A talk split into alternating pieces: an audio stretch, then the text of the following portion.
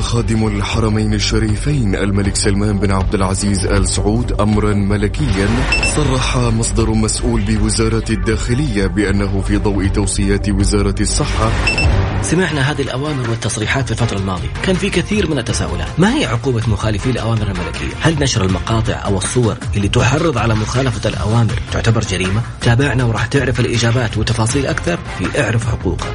الآن اعرف حقوقك مع المستشار طراد باسنبل والمحامي والمستشار القانوني خالد أبو راشد على ميكس أف أم. ميكس أف أم معاكم. رمضان يحلى. رمضان يحلى.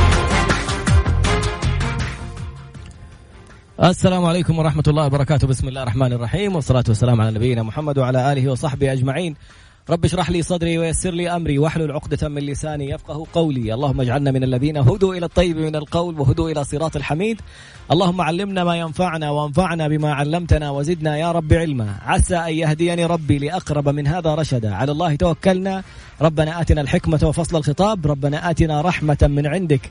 وعلمنا من لدنك علما. إنا إن شاء الله لمهتدون. اليوم كمان نبغى نقرأ آية الكرسي. اليوم الموضوع مختلف. عن أي حلقة من حلقات البرنامج في تاريخ البرنامج. لأول مرة نناقش قانونيا قضايا السحر. كيف إثباتها؟ من يقع عليه؟ كيف تشتكي؟ فين تروح؟ هل بإمكاني أن أشتكي أحد على موضوع السحر في محكمة؟ مع المستشار القانوني المحكم الدولي المحامي خالد أبو راشد. أبو محمد تفضل. يلا آه بسم الله الرحمن الرحيم. الحمد لله رب العالمين والصلاة والسلام على نبينا محمد وعلى آله وصحبه أجمعين. أهلا وسهلا بك كطراد وبكل اللي بيستمعونا عبر إذاعة ميكس إف إم وكل اللي بيتابعونا عبر مختلف وسائل التواصل سواء في حساب ميكس إف إم أو في حساب طراد أو في حسابي. نبدأ اليوم الحلقة وهي فيها الكثير من التعقيد والكثير من الجدل. ليش؟ العنوان هو السحر. وكثيرا مثلا أو بعض الشكاوى تكون لدى الجهات الأمنية أو للشرطة أن فلان سحرني فلان قام بالسحر. وهذا الموضوع فيه الكثير من التعقيدات. و نادرا جدا في النادر جدا ما يناقش هذا الموضوع قانونيا عبر وسائل الإعلام. لذلك اليوم إحنا حنتحدث عن عدة محاور. حنتحدث عن المسحور هذا عنصر ومحور ومن قام بمثلا هذا السحر أو التوسط أو المتهم إن صح التعبير والساحر يبقى المسحور واللي مثلا تسبب في هذا الأمر أو توسط أو راح لساحر والساحر. هنتكلم عن وسائل الإثبات ونتكلم عن العقوبات الخلاف اللي حاصل. حنتحدث أيضا عن الشعوذة. في محور ثاني المشعوذين. والآن أنتم بتلاقوا في وسائل التواصل آآ آآ حسابات اللي يقرب الحبيب ويبعد القريب ويزوج مش عارف مين ويطلق ويسوي كل شيء في الحياة. يعني موجودة في الحسابات هذه بتلاقوها. أيضا حنتحدث عن آه يمكن مرات نادرة أيضا المريض النفسي. وهل كل مريض نفسي يعفى من العقوبة؟ لأن كل هذه المحاور يعني إيه متداخلة. وكان الحقيقة أنا تركت تغريدة وهي أنه لو تم استنطاق الجني بسم الله الرحمن الرحيم. لو تم استنطاقه على على فرض هل قوله يعني يؤخذ به كدليل؟ إذا اليوم هذه هي المحاور الخاصة بالحلقة حقتنا. نعم بسم الله الرحمن الرحيم. يلا نبدأ. يلا. هذا مالتي سيستم اللي ابو كل شيء يسوي لك إياه ب 5000 إيوه هذا اللي في هذا في مرحله في المحور الثاني اللي هو حق وسائل التواصل. كيف؟ نثبت أن شخصا هو قد سحر؟ أيوه تمام. دائما في أي قضية جنائية لابد يكون في جريمة بعدين مجرم ثم أدلة. يعني ثلاثة عناصر. لازم يكون في جريمة ثم مجرم ثم أدلة الاتهام. طيب يعني مثلا في في جريمة الضرب. أو الاعتداء على النفس أو حتى القتل أو الاغتصاب لازم تكون في جريمة وهو الشخص المعتدى عليه. كيف نعرف أنه معتدى عليه؟ يجيب تقرير طبي أنه مثلا مصاب أتلف عضو طعنة انضرب تقرير طبي. وحتى لا قدر الله الواحد لو يعني القتيل بيكون في تقرير الطبيب الشرعي. إذا أصبح لدينا جريمة يبقى نبحث عن مين؟ نبحث عن المجرم. طيب.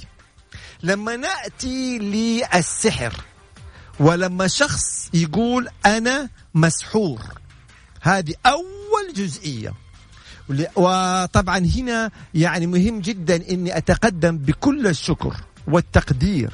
لسعادة العميد متقاعد. طلال الصيدلاني مساعد مدير شرطة جدة وكل الشكر أيضا والتقدير موصول لزميلي المحامي ثامر الشوة. آه عضو النيابة سابقة. طبعا سعادة العميد طلال الصيدلاني آه مساعد مدير شرطة جدة سابقا. لأني تواصلت معهم وجمعنا الكثير من الوقائع والحقائق في هذا النوع من القضايا. فلما يأتي شخص إلى قسم الشرطة ويقدم شكوى ويقول فلان سحرني. طيب هنا خلونا نوقف. ونقول كيف نعلم أن فلان مسحور؟ كيف يثبت أن فلان مسحور حتى نبحث عن الساحر ومن تواصل معه ومن تعامل معه؟ لما يأتي إنسان يكون مضروب أو معتدى عليه يكون في تقرير طبي. إنه تعرض لطعن لعيار ناري لخنق تقرير طبي. طيب المسحور هذا كيف نعرف إنه هذا إنسان مسحور؟ خاصة وإنه هذا الأمر فيه جدل كبير وفيه خلاف كبير سواء كان بين الفقهاء في الشريعة بين مثلا طب النفس. طبعا إحنا هنا رجاء نفرق تماما السحر موجود. وفي القرآن الكريم وصور وآيات نصت عليه وأمور وفي الأحاديث النبوية الشريفة والسحرة وعقوبة الساحر. يبقى من حيث المبدأ السحر موجود. هذا هذا هذه مسألة من ثوابت الشريعة. لكن إحنا نتحدث قانونا. قانونا كيف نثبت أن هذا الإنسان مسحور. حتى نبحث عن من قام بفعل ذلك. هذه الجزئية يعني صعبة جدا جدا. ومن هي الجهة المخولة التي تفيد بأنه هذا الإنسان مسحور؟ إحنا نعرف أنه هيئة الأمر بالمعروف والنهي عن المنكر هي التي تتولى بلاغات السحر والقبض على السحرة ومداهمتهم و... و... وعمل الكمين لهم وما إلى ذلك. طيب هذا السحرة موضوع آخر. لكن كيف نثبت أن الإنسان مسحور؟ يبقى هذا الجزء طبعا جدا آه صعب وإثباته بيكون صعب جدا. وبالتالي المعلومة اللي أبغى أوصل لكم هي لو واحد راح قسم الشرطة وذكر أن فلان سحره أو فلان قام بسحره هل نعلم جميعا أنه إذا ما أثبت ذلك من حق اللي أتهمه أنه يرفع عليه دعوة تعزير شرعا للشكوى الكيدية؟ يعني أنا لو أحد جاء واتهمني أنا قال خالد أبو راشد سحرني في قسم الشرطة. وما أستطاع أن يثبت هذا الاتهام حأرفع عليه قضية تعزير ويحكم عليه بالسجن لأنها دعوة كيدية. حصل طبعا من خلال يعني آه، خلينا نقول مناقشات مع العديد من الزملاء في أقسام الشرطة وخلافه أنه كثير تقدموا ناس بشكاوى بدون إثبات. فانقلبت عليهم دعوة كيدية. ليش؟ لأنه كون إنك أنت تتهم إنسان بالسحر ترى أسوأ أسوأ بكثير جدا من إنك لو اتهمت إنسان إنه ضربك. أو اتهمت إنسان إنه آه، شتمك. لماذا؟ لأنه هذه فيها تعزير. ولكن لما تتهم إنسان بالسحر ما هي عقوبة الساحر؟ وما ربنا إيش قال على الساحر؟ وإيش قال على الشخص اللي يروح لساحر؟ فهذا اتهام عظيم جدا. يعني الشتم الضرب الاعتداء يعني وارد له عقوبة. ولكن السحر هذا أمر عظيم. الساحر يقتل. أوف. لما حنأتي للمحور الخاص بالساحر. طب والمسحور له؟ اللي راح؟ جاي إذا المحور الأول كون إننا نثبت إننا مسحورين تراها قانونا فيها صعوبة كبيرة جدا جدا. حتقول لي عليه علامات مش عارف إيه كذا. هذا موضوع فيه له احتمالات كثيرة جدا. واحد. اثنين لما نأتي للشخص اللي نتهمه يطراد ونقول فلان سحرني. طيب عندك أدلة؟ إذا عندك أدلة روح اشتكي. ما عندك أدلة إياك أن تشتكي. كيف الأدلة تكون؟ هل في كاميرات مراقبة في المنزل مثلا. صورت شخص يأتي إلى المنزل ويرش موية أو مثلا يحفر في الأرض أو من دي الأمور يبقى ده ممكن دليل. اثنين إذا في شهود يشهد أن فلان ذهب أو فلانة ذهبت إلى فلانة أو منزلها أو كذا وقامت بعمل كذا وكذا. يبقى ده عندنا أيضا أو دليل. قالوا حروح أسوي له حسحرها حس... يعني إذا إحنا نتكلم إما بالإثباتات زي الكاميرات مثلا يطراد أو بشهادة الشهود أو بإقرار الشخص. إذا ما عندنا مثل هذه الإثباتات تشتكي الناس وتقول فلان سحرني على أي أساس؟ معنى هذا إنك أنت بتعطي له المجال إنه يرفع دعوة ثابتة عليك وهي التعزير شرعا للدعوة الكيدية. كان هنا في مداخلة جميلة بتقول طيب وإذا وجدنا في البيت سحر وهذا وارد والسحر موجود. يعني واحد وجد في بيته من دي الطلاسم الله يحمينا جميعا ولا قصاصات ولا يعني من دي المصايب الله يحفظنا جميعا. هذا موجود لكن كيف نثبت أن فلان هو, اللي هو من قام بذلك. عندنا إثباتات كاميرات تصوير شهود إقرار أهلا وسهلا. ما عندنا إثباتات يبقى في هذه الحالة يعني ننتبه تماما. نأتي للشق الثالث وهو الساحر. طبعا عقوبة السحر يطراد القتل. الساحر يقتل وهو كفر والعياذ بالله. إلا إذا استتاب. هنا بيقول لي هل يمكن أن نستعين بالشيوخ؟ هنا نرجع لسؤال كذا عرضي جميل جدا. هنا نفرق بين الشيوخ وبين الدجالين. الشيوخ الذي يأتي ويقرأ القرآن الكريم الرقية الشرعية وآيات الرقية الشرعية معروفة يبقى الحمد لله رب العالمين. إذا ما نفع ما يضر. هذا قرآن قرآن كريم فقط بالقرآن. آيات الرقية. فقط. يبقى ده قرآن إن نفع فالحمد لله إن ما نفع ما ضر فهي إيه؟ آيات قرآنية. أما أن نستعين بالناس اللي يجي يعملوا لنا بخور ومدري شكله والأمور هذه لا. هذا إما دخلنا في دجل أو نستعين بالسحر بالسحر والعياذ بالله وننتبه تماما اللي إذا ثبت قبل لا نجي للساحر إذا ثبت قانونا بشهادة الشهود أو بكمين أو بالتصوير أن فلانا يذهب إلى السحرة؟ إذا ثبت قانونا أن فلانا يتعامل أو يتعاون مع السحرة فسوف يحكم عليه تعزيرا بالسجن وفقا لما يقدره القضاء. وما في شيء أنا رحت لساحر عشان فعل خير. ما في سحر خيري. سحر خيري ما في. كيف هذه حصلت؟ إنه سيدة من السيدات جاتني وقالت لي أنا يعني تعاملت مع آه ساحر. حسبي الله ونعم الوكيل. ليه يا أختي تعاملتي مع الساحر؟ والله أبغى أسحر زوجي. تسحري زوجك ليه؟ لا تقول لي مو أنا أسحر هو فعل خير. أيوه أشرحي لي إيش فعل خير هذا؟ إنه هو يحبني وإنه ما يطلقني وإنه ما يتزوج علي. حسبي الله ونعم الوكيل. رايحة لساحر يسحر الراجل زوجك. والله ما أعلم إيش حيسوي له من, من بلاوي. عشان. والله يحبك وما يطلقك. هذا ما يجوز. هذا ما يجوز تماما. أنتبهوا.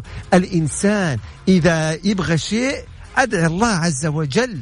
إحنا مؤمنين مسلمين. أرفع يدك لله عز وجل وأدعي الله عز وجل. بس. أما تترك الله عز وجل وتروح لسحرة ودجالين كيف تبغى ربي يوفقك؟ كيف تبغى ربي يحقق لك أمنياتك وإنت رايح تسحر الناس؟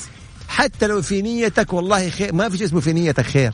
ما في شيء اسمه في نيتك روح لساحر عشان يقرب لي الحبيب ولا بعيد. لا أدعي الله عز وجل. إذا في خير ربي يختار لك هو وإذا في شر ربي يصرفه عنك. ما تتعاملوا مع السحرة انتبهوا. هذه الجزئية فإذا ثبت أن فلانا أو فلانة راحوا لساحر يطراد سوف يحكم عليهم بالسجن تعزيرا. بغض النظر إيش هدفهم ولا إيش نيتهم. هذا رقم اثنين. أما الساحر فإذا ما تم القبض عليه وطبعا الساحر يجد عنده في في المكان اللي يسحر فيه يعني آه، بخور وعاد واللزوم حق عدة السحر يعني والعياذ بالله من طلاسم ولا أظافير ولا شعر ولا شيء اللي إحنا بنسمع عنه دي والمصايب هذه. نعم إيوه. فهذا عقوبته قد تصل إلى القتل. ما لم يتوب ويستتاب ولا يعني إنه يعفى تخفف. إذا تاب وإذا يعني تم استتابة وتاب وكذا تنزل ما دون حد القتل عقوبة عقوبة. ولا القتل. فمسألة السحر يا أخوان هذا كفر كفر والعياذ بالله. والإنسان اللي يروح لساحر يعني يعني هذا أمر جدا جدا جدا جسيم. والحمد لله دولتنا تطبق شرع الله عز وجل. فأي إنسان يروح لساحر والساحر نفسه ترى فيها إيش؟ فيها عقوبات كبيرة جدا. تصل إلى القتل للساحر وأكيد تعزير ل اللهم صل على النبي اليمين للشخص اللي يروح. له. أيوة. أبو محمد بس في نقطة قبل ما تكمل. تفضل. نقطة جدا مهمة. مو كل راقي راقي. في ناس عندهم مرخصين برقية شرعية لأنه في مشكلة كبيرة. إنه أشخاص يجي يقول لك أنا راقي شرعي ويجي يقول لك البس الخاتم ده خذي حطي هذه تحت أو المخدة. أو, أو قام بخنق اللي يقرا عليها حصلت حوادث من هذا القبيل. فيعني قدر الإمكان إحنا يعني إيش ننتبه لهذه الجزئية. طيب السؤال السؤال بالنسبة للأدلة. يقول لك أحيانا يأتي بالإنسان الذي يعني هو يرى إنه مسحور أو هذه مسألة اذا يعني جدلية إحنا لا ما, ما نخوض فيها نتكلم بالقانون. وقرأوا عليه القرآن فنطق واستنطق. وتغير الصوت وصار مبحوح وقال أن فلانا سحرني بسم الله الرحمن الرحيم بسم الله الرحمن الرحيم. إحنا جالسين في بر وفي هواء وفي أمور يعني بسم الله الرحمن الرحيم. ضابط الموضوع أبو محمد. نعم طيب. نعم. فاذا هنا هل قول هذا الجني بسم الله الرحمن الرحيم تمام؟ هل قول هذا الجني يؤخذ به كدليل؟ يقول لك ها هذا شوف قال أن فلانا مسحورا أو فلان هو الذي قام بالسحر وكانوا في شهود يشهدوا بذلك. طبعا طبعا لا يؤخذ بقول هذا بهذا الأمر ولا يؤخذ بقول هذا الجني تخيل في لائحة الاتهام ولا في الحكم إيش الأدلة؟ وقد شهد الجني وقال كذلك وذلك. ما يجي ما واحد إيش يضمن لنا هو فعلا هذا جني ولا هو أمر مصطنع ولا هو بالتفرقة ولا ولا طبعا إحنا نرجع نقول السحر موجود وورد في القرآن الكريم وهذه الأمور من الثوابت. نتحدث من الناحية القانونية. فكل هذه الأمور لا يؤخذ بها ومسألة ثبوت السحر من عدم أمر جدا جدا جدا فيه صعوبة وفيه جدل كبير.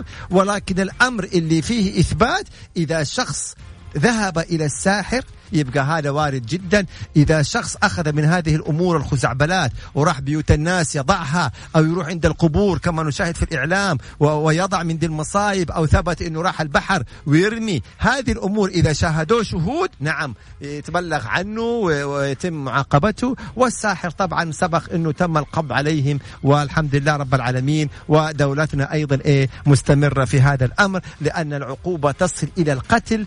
أيضا ما في لا مبرر للذهاب إلى ساحر لا تقول لي فعل خير ولا أنا أبغى زوجي ما يسيبني ولا أبغى زوجتي تحبني ولا من ذلك. ادعي الله عز وجل فقط لا غير. إياكم من هذا إيش؟ من هذه الأمور. ومسألة إنه فلان نطق واستنطق وذكر اسم فلان وتحصل فيها علوم وتحصل فيها لا سمح الله ممكن جرائم قتل ولا كذا انتبهوا. حتى الجان حتى الجان فيهم المسلم وفيهم الكافر.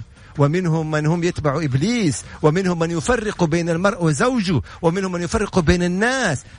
لو أفترضنا إنه هذا جان فننتبه لا نأخذ الأمور كذا يعني بسم الله الرحمن الرحيم. والله يعدي الحلقة هذه إحنا فيها على خير يا رب إن شاء الله. طيب هذا فيما يتعلق بهذا المحور يطرأ. نأتي للجزء الثاني وهو الذي انتشر في وسائل التواصل.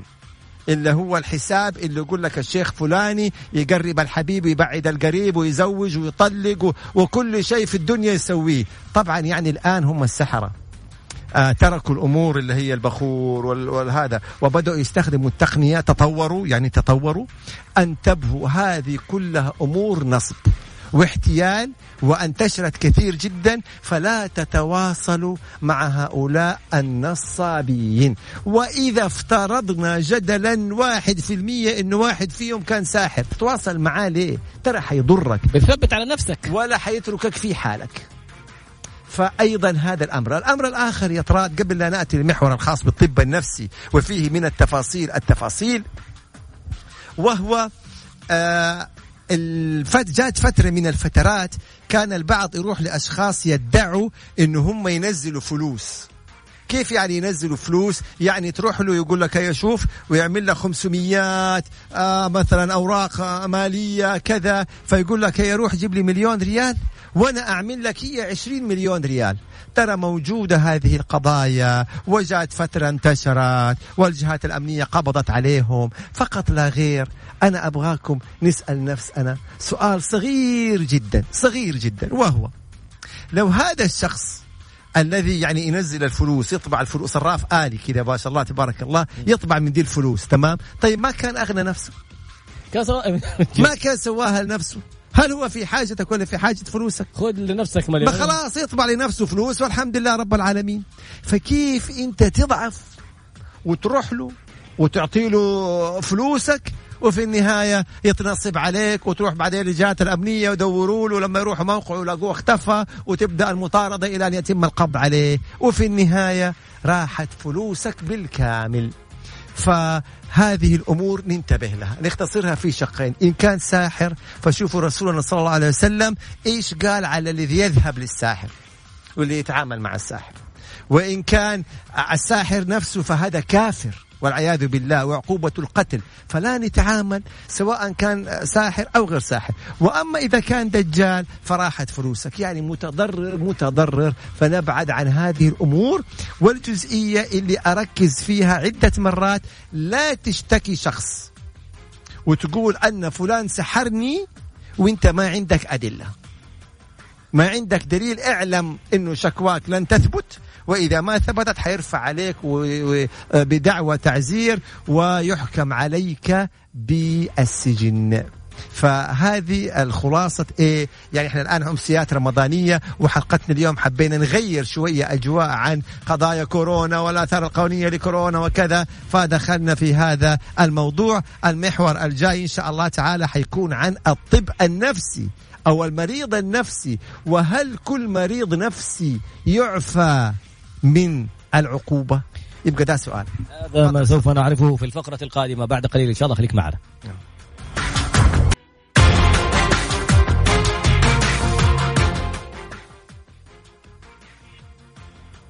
مرة أخرى عدنا مرة أخرى مع المستشار القانوني المحكم الدولي المحامي خالد أبو راشد والتفاعل رائع بصراحة في ما بين الفواصل. ومؤذي تفاعل مؤذي أحيانا. بيخوفوا أبو محمد يقولوا في شيء يتحرك في البيت. طيب مرة ثانية.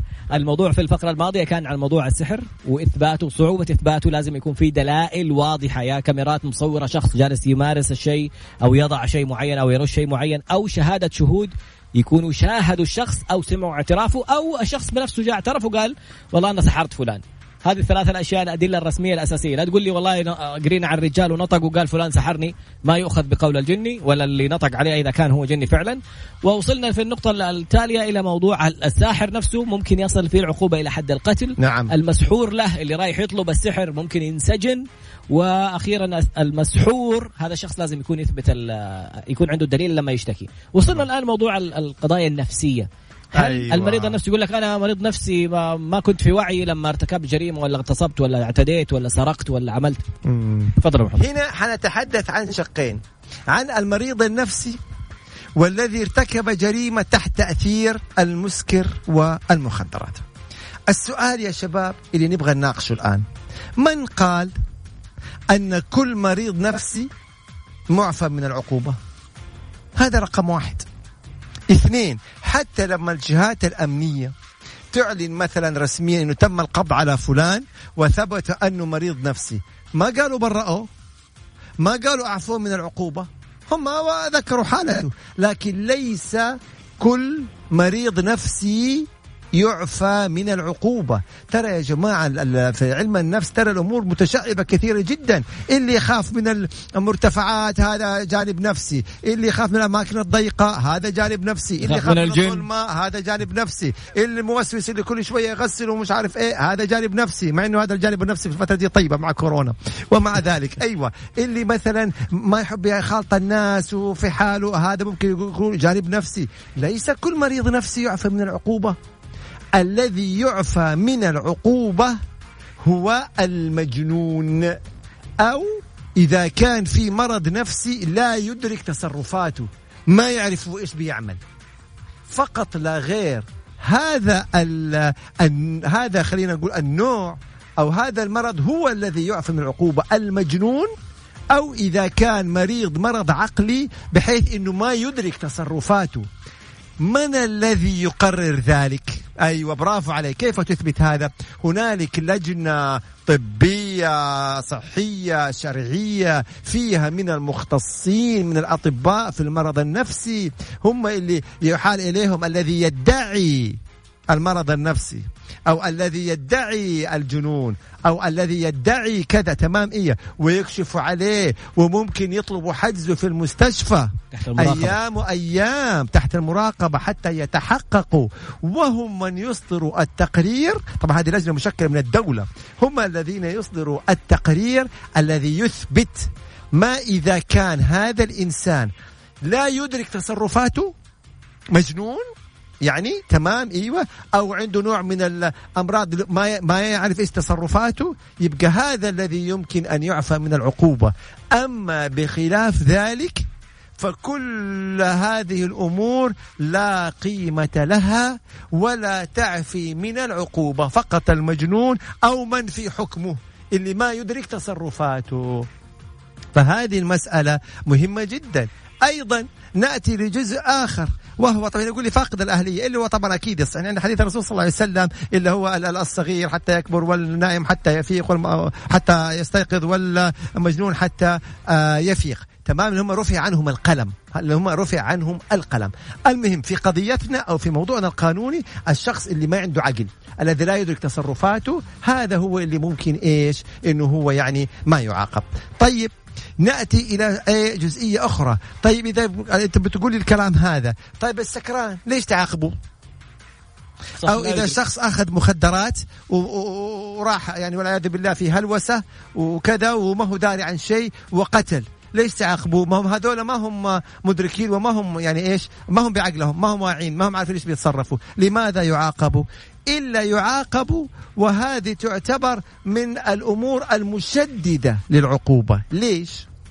لأنه أنت لما كنت بعقلك تعلم أن هذا المسكر والعياذ بالله يذهب العقل.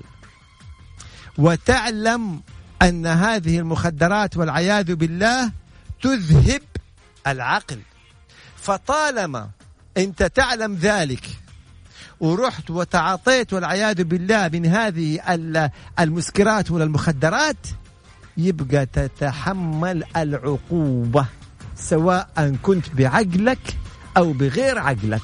بل أن وزارة الداخلية أعلنت في الأخبار آه، في القناة السعودية على مر السنين أنه تم القصاص من فلان لارتكاب جريمة قتل وكان تحت المخدر وكان تحت المسكر.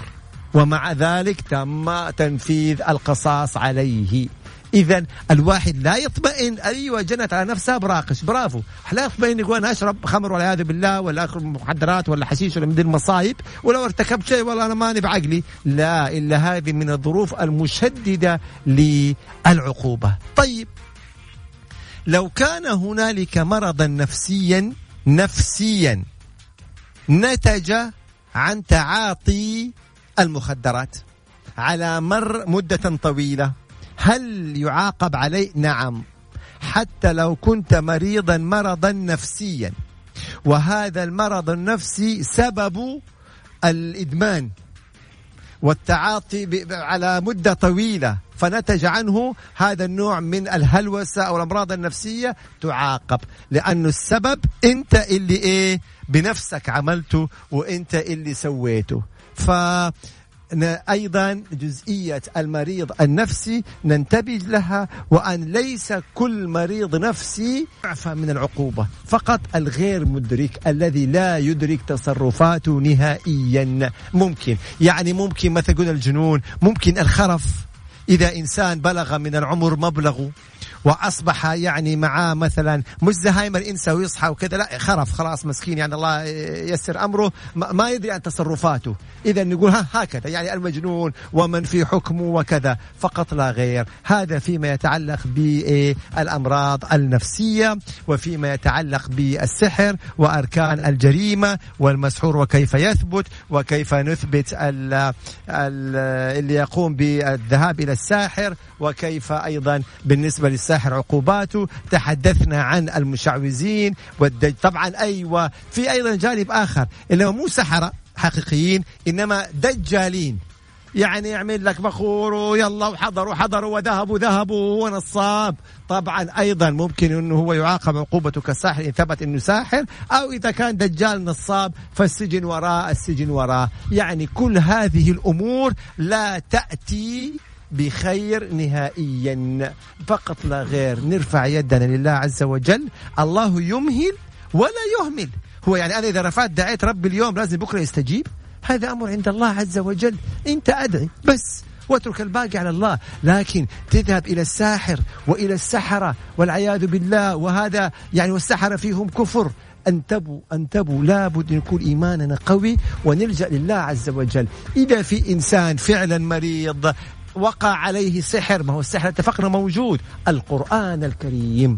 أصحاب الفضيلة المشايخ المشهود لهم اللي فقط لا غير بآيات الرقية. تمام من سورة البقرة وآيات الرقية المعروفة يقرأ عليها القرآن يبقى الحمد لله رب العالمين. فقط لا غير يا شباب. هذه الجزئية مهمة جدا. أبو محمد نعم. يعني في حوار مع راقي شرعي. حتى الناس بنفسهم بيقولوا إنه أفضل رقية الشخص يرقي نفسه لأنه أنا جيت أنا راقي شرعي وجيت نعم. قرأت عليك. الآن أنا محصن وقارئ ومحصن نفسي جيت قرأت عليك أنت تأثرت في فترة. نعم. إذا ما أنت بتذكر الله وتذكر الله دائما. اقرأ سورة البقرة الرقية الشرعية آياتها معروفة الشباب هنا يقولوا المعوذات أي شيء من القرآن الكريم هذه الأمور كلها طيبة يعني. وارجع أذكر محمد مرة ثانية أكثر من حالة الناس بيقولوا جايبين شخص ويقول لهم ألبسوا ذا الخاتم حطوا ذا الحجاب تحت المخدة أعملوا كذا. هذا هذا من الدجل. شعوذة. هذه شعوذة. ما في شيخ ما يقول لك أثر فلان ولا على قولك خاتم ولا أمه. فص ولا اسم أمك ولا اسم أبوك أعرف إنه دخلنا في إيه؟ في نظام شعوذة على طول ما يبغى لها كلام. طيب أذكار المساء والصباح أجمل ما مداخلة اليوم. م. أذكار الصباح وأذكار المساء اللي في المغرب. والحمد لله رب العالمين. يعني بأمانة حتى علميا الناس كثير بيتكلموا عن نقطة كثرة ذكر الله من أقوى أسلحة علاج أي شيء نفسي أو سحر. من ضمن الأسئلة يقول إذا رقيه تسببت في وفاة إنسان، هذا أمر يعود لجهات التحقيق، يعود للقضاء، إيش هي الظروف؟ إيش هي الملابسات؟ هل هي سبب؟ هل هي ليست سبب؟ حسب التحقيقات. إحنا نتحدث عن الثوابت القانونية. يعني في بعض الرقاب محمد يمسك ويضرب ويخنق والمصارعة هنا بيقول لي كيف لا يقع الطلاق في حالة الغضب؟ أنا يا سيدي الكريم محامي قانوني أتحدث بالإجراءات والأدلة. لا أفتي في جزئية الطلاق وقع أو ما وقع. هذه لابد أنك أنت تستفتي فيها. آه، فضيلة المفتي أصحاب الفضيلة المشايخ المؤهلين والمختصين بالفتوى هم اللي إيه يفتوا أنا أتحدث قانون. حتقولي طيب والسحر ولا والأمور النفسية؟ نتحدث عن الجرائم. وإيش اللي يثبت وإيش اللي ما يثبت وإيش الدليل وإيش مو الدليل؟ هذا هو الكلام. من الآن سنبدأ بأخذ الرسائل و أيوه بدأت البطاريه أي. نأخذ رسائل ونأخذ الأسئلة في مختلف الأنواع. نعم لأنه هنا بيقول لي هل نقدر نسأل أسئلة خارج الدجل طبعا. والسحر؟ نعم نعم الآن المجال متاح. يعني أعطونا الأسئلة كلها. أحبك في الله وأنا وراك وراك من خمس سنوات أبغى إيه والله ما أعرف لكن الله يجزاكم خير ومحبتكم تاج على راسي. الله يحفظكم جميعا يا رب إن شاء الله. طيب يا شباب يلا الآن عندنا متسع من الوقت يعني جميل جدا 20 دقيقة. أعطونا يا شباب آه طيب هل لو صفيت حقوق الموظف صفيت حقوق الموظف هذه الفترة واستلم كامل حقوقه هل أنا ضد النظام؟ لا طبعا. إذا يعني آه، باتفاق الطرفين وتم إنهاء العقد وأخذ كامل حقوقه خلاص. لكن إذا أصدرت قرار إنهاء خدمة بدون موافقة الموظف هنا في قرار صدر مؤخرا اللي هو في 10 رمضان اللي يقول فيه غرامة. 10000 ريال على كل حالة. لكن إذا اتفاق الطرفين تمام. هل أنت مع التحرص من التعامل مع النساء بسبب قضايا التحرش؟ ما فهمت يعني أنا. لا هو شوف إحنا المرأة نصف المجتمع وبنتعامل معاها حنتعامل معاها. ما في شيء اسمه سؤال جميل جدا إنه لا نتعامل مع المرأة. يعني أنت ممكن يوم تروح سوبر ماركت تلاقيها في المبيعات تروح معرض تلاقيها في المبيعات. ممكن مثلا الله أعلم في أوبر أو في سيارات الأجرة أو من هالقبيل. ممكن في شركات. هي نصف المجتمع.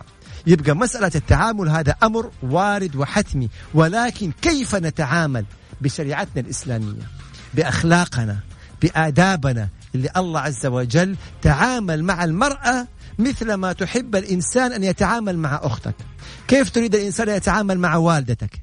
كيف تريد الإنسان أن يتعامل مع بنتك؟ فتعامل أنت على هذا الأساس.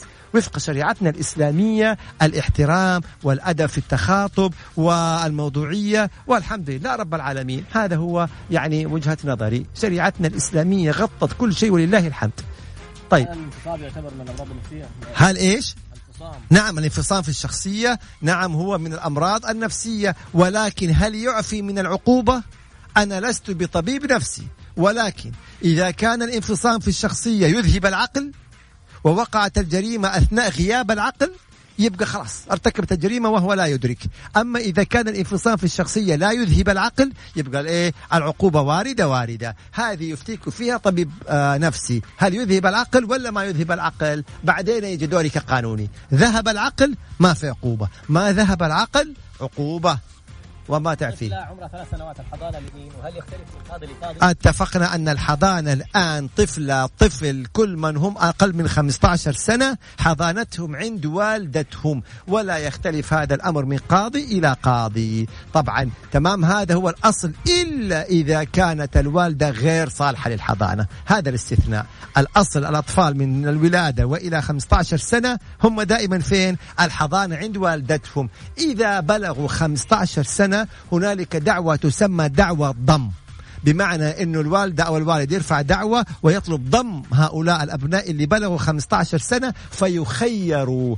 اذا من الولادة إلى 15 سنة عند والدتهم إذا بلغوا 15 سنة في دعوة ضم يخيروا. 18 سنة خلاص الحمد لله رب العالمين. ماجد يقول بتوصلوا رسائل إنه شخص يرسل له رسالة من اتصالات دوليه يقول له فلان سحرك وأدفع النصب. أحسنت أحسنت. جزاك الله خير. والله كلنا حتى أنا تجيني رسائل وأحيانا يجيني اتصال وأرد بالخطأ. يا أخي الكريم إنني حلمت بك هو يكون من دولة في أفريقيا. يعني الآن العالم فيه له 6 مليار نسمة وإنت في أفريقيا. وما لقيت تحلم غير بي أنا في حلمك في منامك.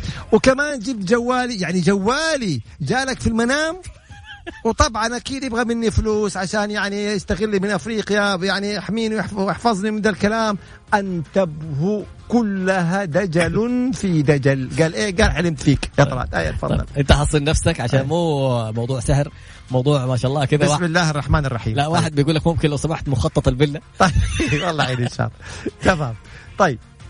الموظفين التابعين للخدمة المدنية ومصلحة التقاعد آه أوكي الموظفين الحكوميين اللي في الجهات الحكومية لا يسري عليهم نظام العمل. نظام العمل يسري فقط لا غير على مين؟ على القطاع الخاص فقط لا غير. الحكومة يتبع الخدمة المدنية ما لهم علاقة بقرارات وزارة الموارد البشرية الخاصة بالمادة 41 من اللائحة التنفيذية لنظام العمل. هذه تعنى بمين؟ بالشركات فقط لا غير سؤال جميل يقول لك طيب. أنا مقيم أج... الشكر إيه؟ مقيم أجبروني على إجازة وطلبوا مني أوقع على راتب 300 ريال مع إنه راتبي 2300 رفعت رفضت أوقع بلغوني بالفصل تحت القوة القاهرة ابدا إذا فصلوك فهذا فصل باطل طالما خلال هذه الستة شهور اللي هي من بدء إجراءات كورونا وحتى ستة شهور فالفصل اللي فصلوك هو فصل باطل تمام؟ وفي هذه الحالة تقدر ترفع قضية فيحكم عليهم بالتعويض ومكافأة نهاية الخدمة ويغرمون. يا شباب في لبس خليني أوضح لكم هو. لما وزارة الموارد البشرية إيش؟ رايك تشرح اللبس هذا بعد هذا بعد الإعلانات يعني؟ آه. طيب يلا مهم جدا يا شباب هذا اللبس. واحد يقول خلينا نروح اللبس. يقول نتحصن بعدين نرجع نسمعكم. نحصن والله يحصلونا معاكم. السلام عليكم. بعد قليل.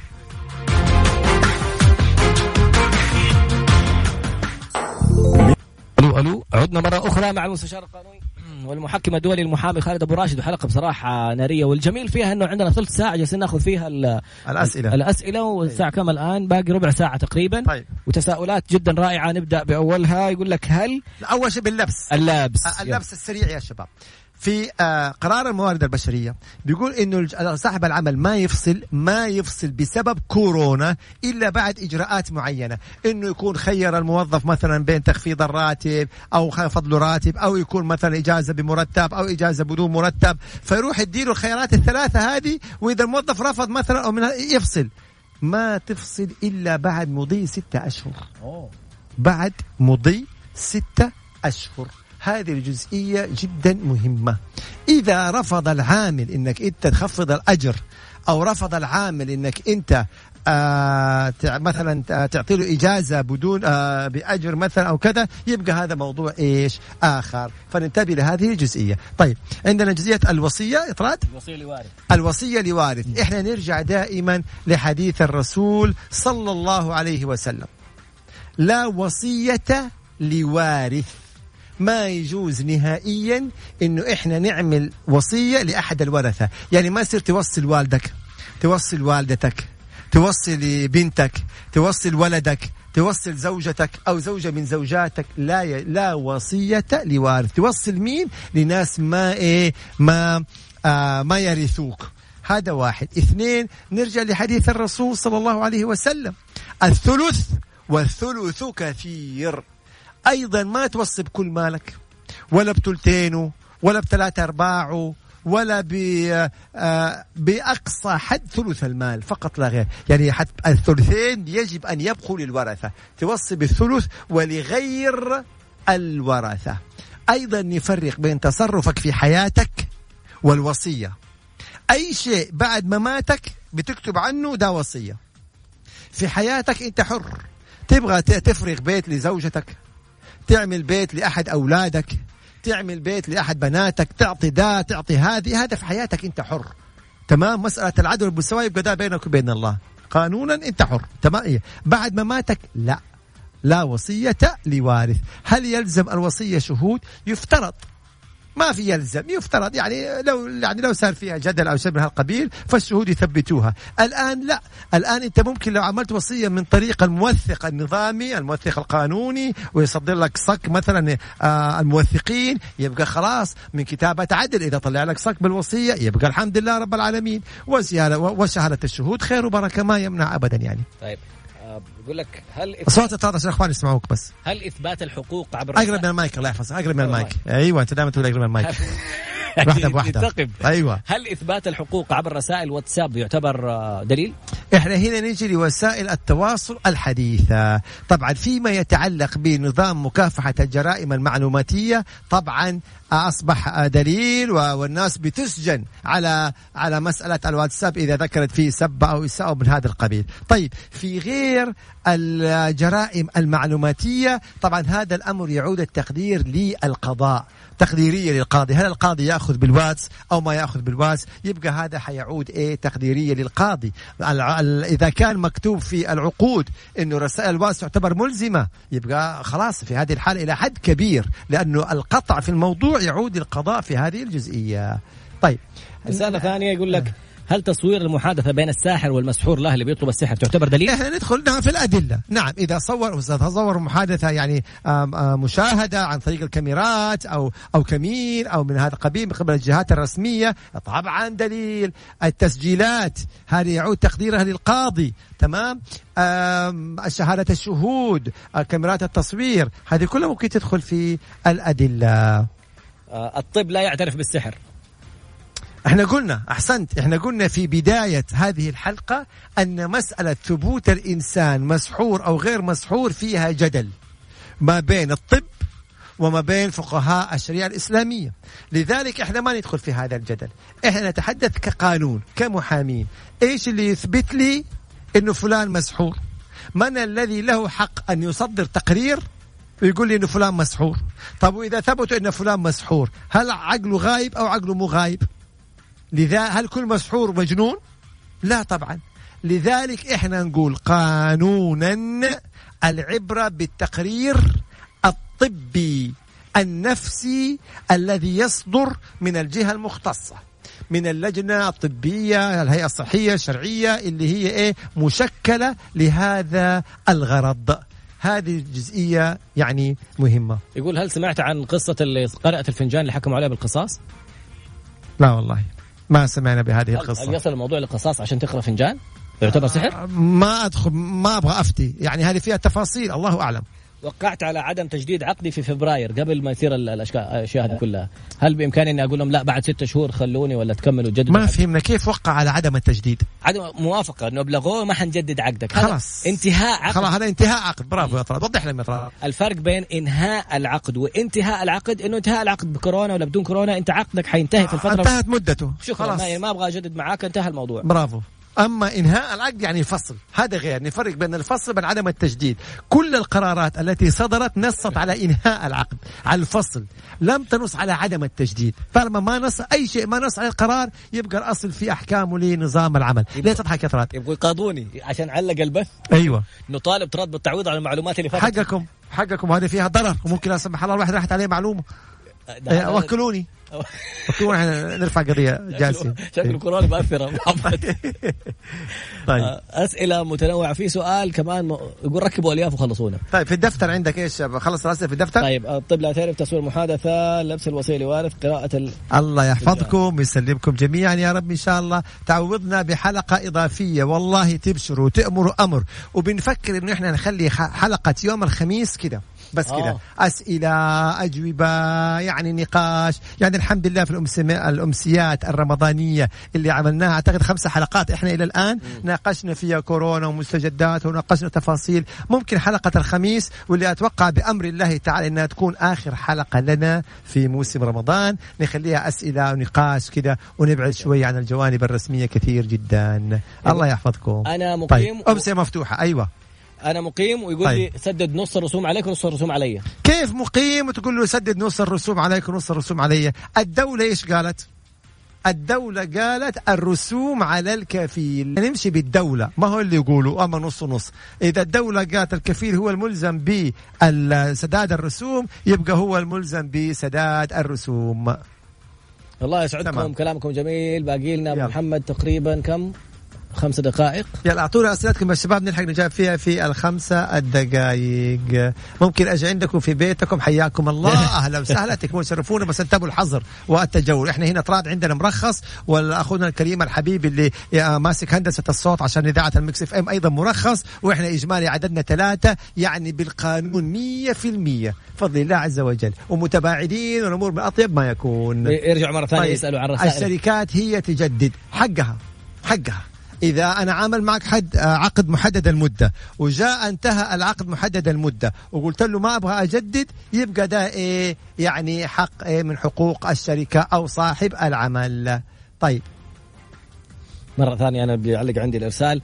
آه، ممكن تسمع الحلقة كاملة مسجلة على ميكس اف ام SA dot com على موقع ميكس اف ام الكتروني أو تحمل تطبيق ميكس اف ام راديو الحلقة الآن تشاهدها صوت وصورة على حساب خالد أبو راشد في تويتر. أوكي. مسجلة صوت وصورة موجودة في ال story عندي في انستغرام على تراد underscore B T R A D underscore B طبعا هنا في سؤال مهم جدا بالنسبة لشركات تخصيص السيارات. شوفوا لم يصدر قرار يلزم شركات تقسيط السيارات بعدم المطالبة أو بتأجيل المطالبة. ما صدر قرار.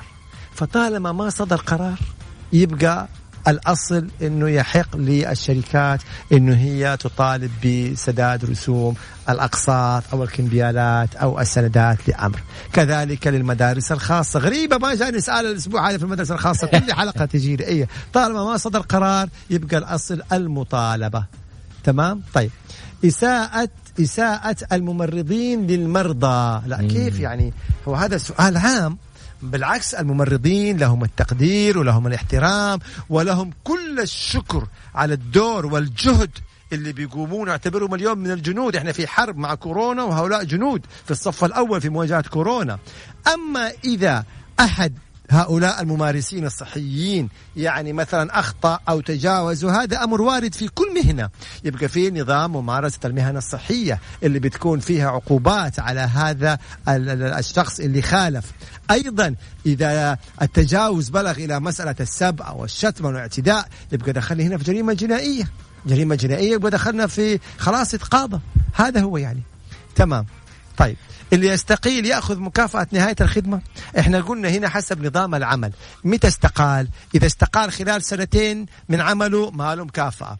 إذا استقال ما بين سنتين إلى خمس سنوات له ثلث المكافأة. إذا استقال ما بين خمس سنوات إلى عشر سنوات فله ثلثي المكافأة. إذا استقال بعد عشر سنوات فله كامل المكافأة. كان لديك تبغى تقول كلمة أو شيء من هذا القبيل. والله كانوا بيسألوا مرة ثانية بس عن موضوع رسائل الواتساب. هل هي تعتبر دليل؟ أنت جبت السيرة. إيه إحنا هنا وضحنا التفاصيل. في نظام مكافأة الجرائم المعلوماتية طبعا دليل في غير ذلك يعود التقدير إلى القضاء. لا يختص من المجنون شرعا. طبعا لا يختص من المجنون شرعا آه بسبب فقدت شخص وهو شخص مجنون في أين المشكلة؟ ما فهمت أنا إيش السؤال لكن نعم إذا ثبت أن الإنسان مجنون هذا ربنا عز وجل. والحديث الشريف للرسول صلى الله عليه وسلم يعني المجنون هذا مرفوع عنه القلم خلاص ما يعني آه، كيف نحاسب إنسان هو مجنون؟ هذا شرع الله عز وجل. وعلى فكرة حتى هذا في أيضا في الدول الأخرى اللي ما تطبق الشريعة والدول الغير مسلمة والدول الأوروبية وغيره مجنون يا جماعة كيف تعاقب مجنون؟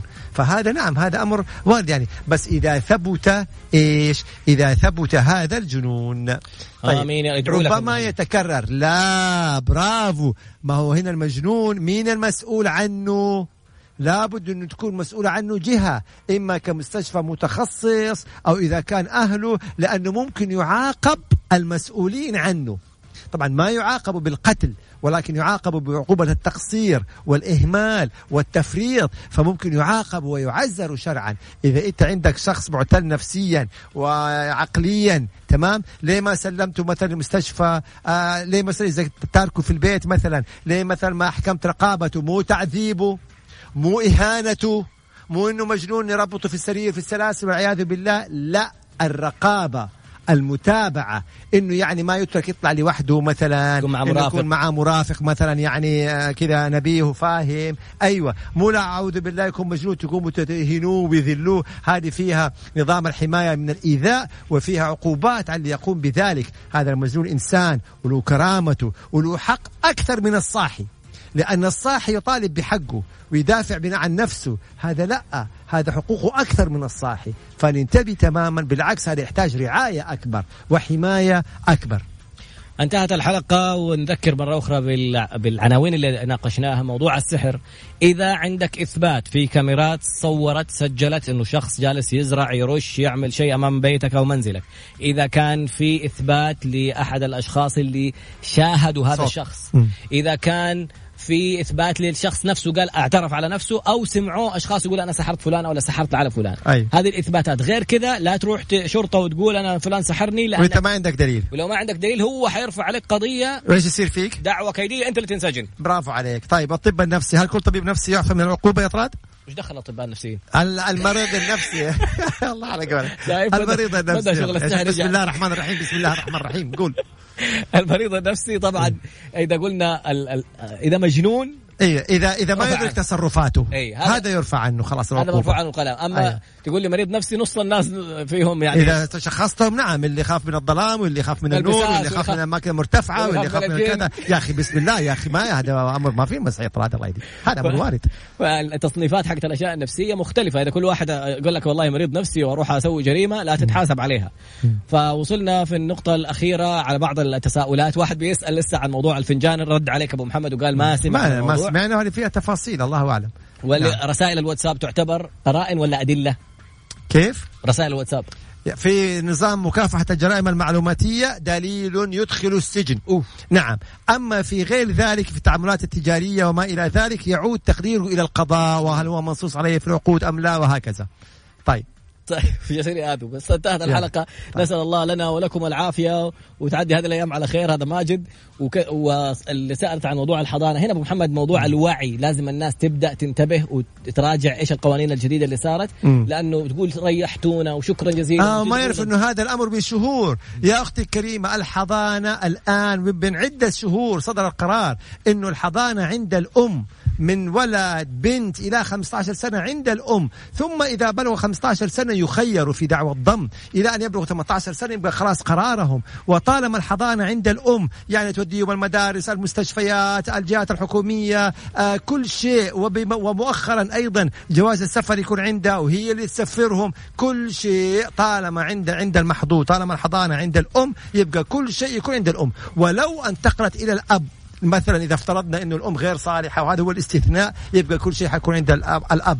وإذا حكم بالحضانة للطرف فيحكم بالطرف الآخر بالزيارة. لا يحرم أب أو أم عن أولادهم. اللهم تنظيم. حضانة عند طرف زيارة عند طرف. هذا أكثر ما يكون. ولو ما دفع المصروف حق المحضون اللي هو الطفل اللي عندك يبقى في نفقة. من يوم الطلاق ينحسب إلين تاريخ اليوم هذا بأثر رجعي. تندفع مرة واحدة وبعد كذا تدفع بأسروا لك الظاهر إنه. انتهى الوقت انتهى البث. أيه. آخر حاجة واحدة قالت لي ترى حيضربوك لا لا بس والله بس كلمة. طيب. واحدة بتقول فكي عني السحر. هل أعتبر هذا اتهام وأرفع عليه قضية؟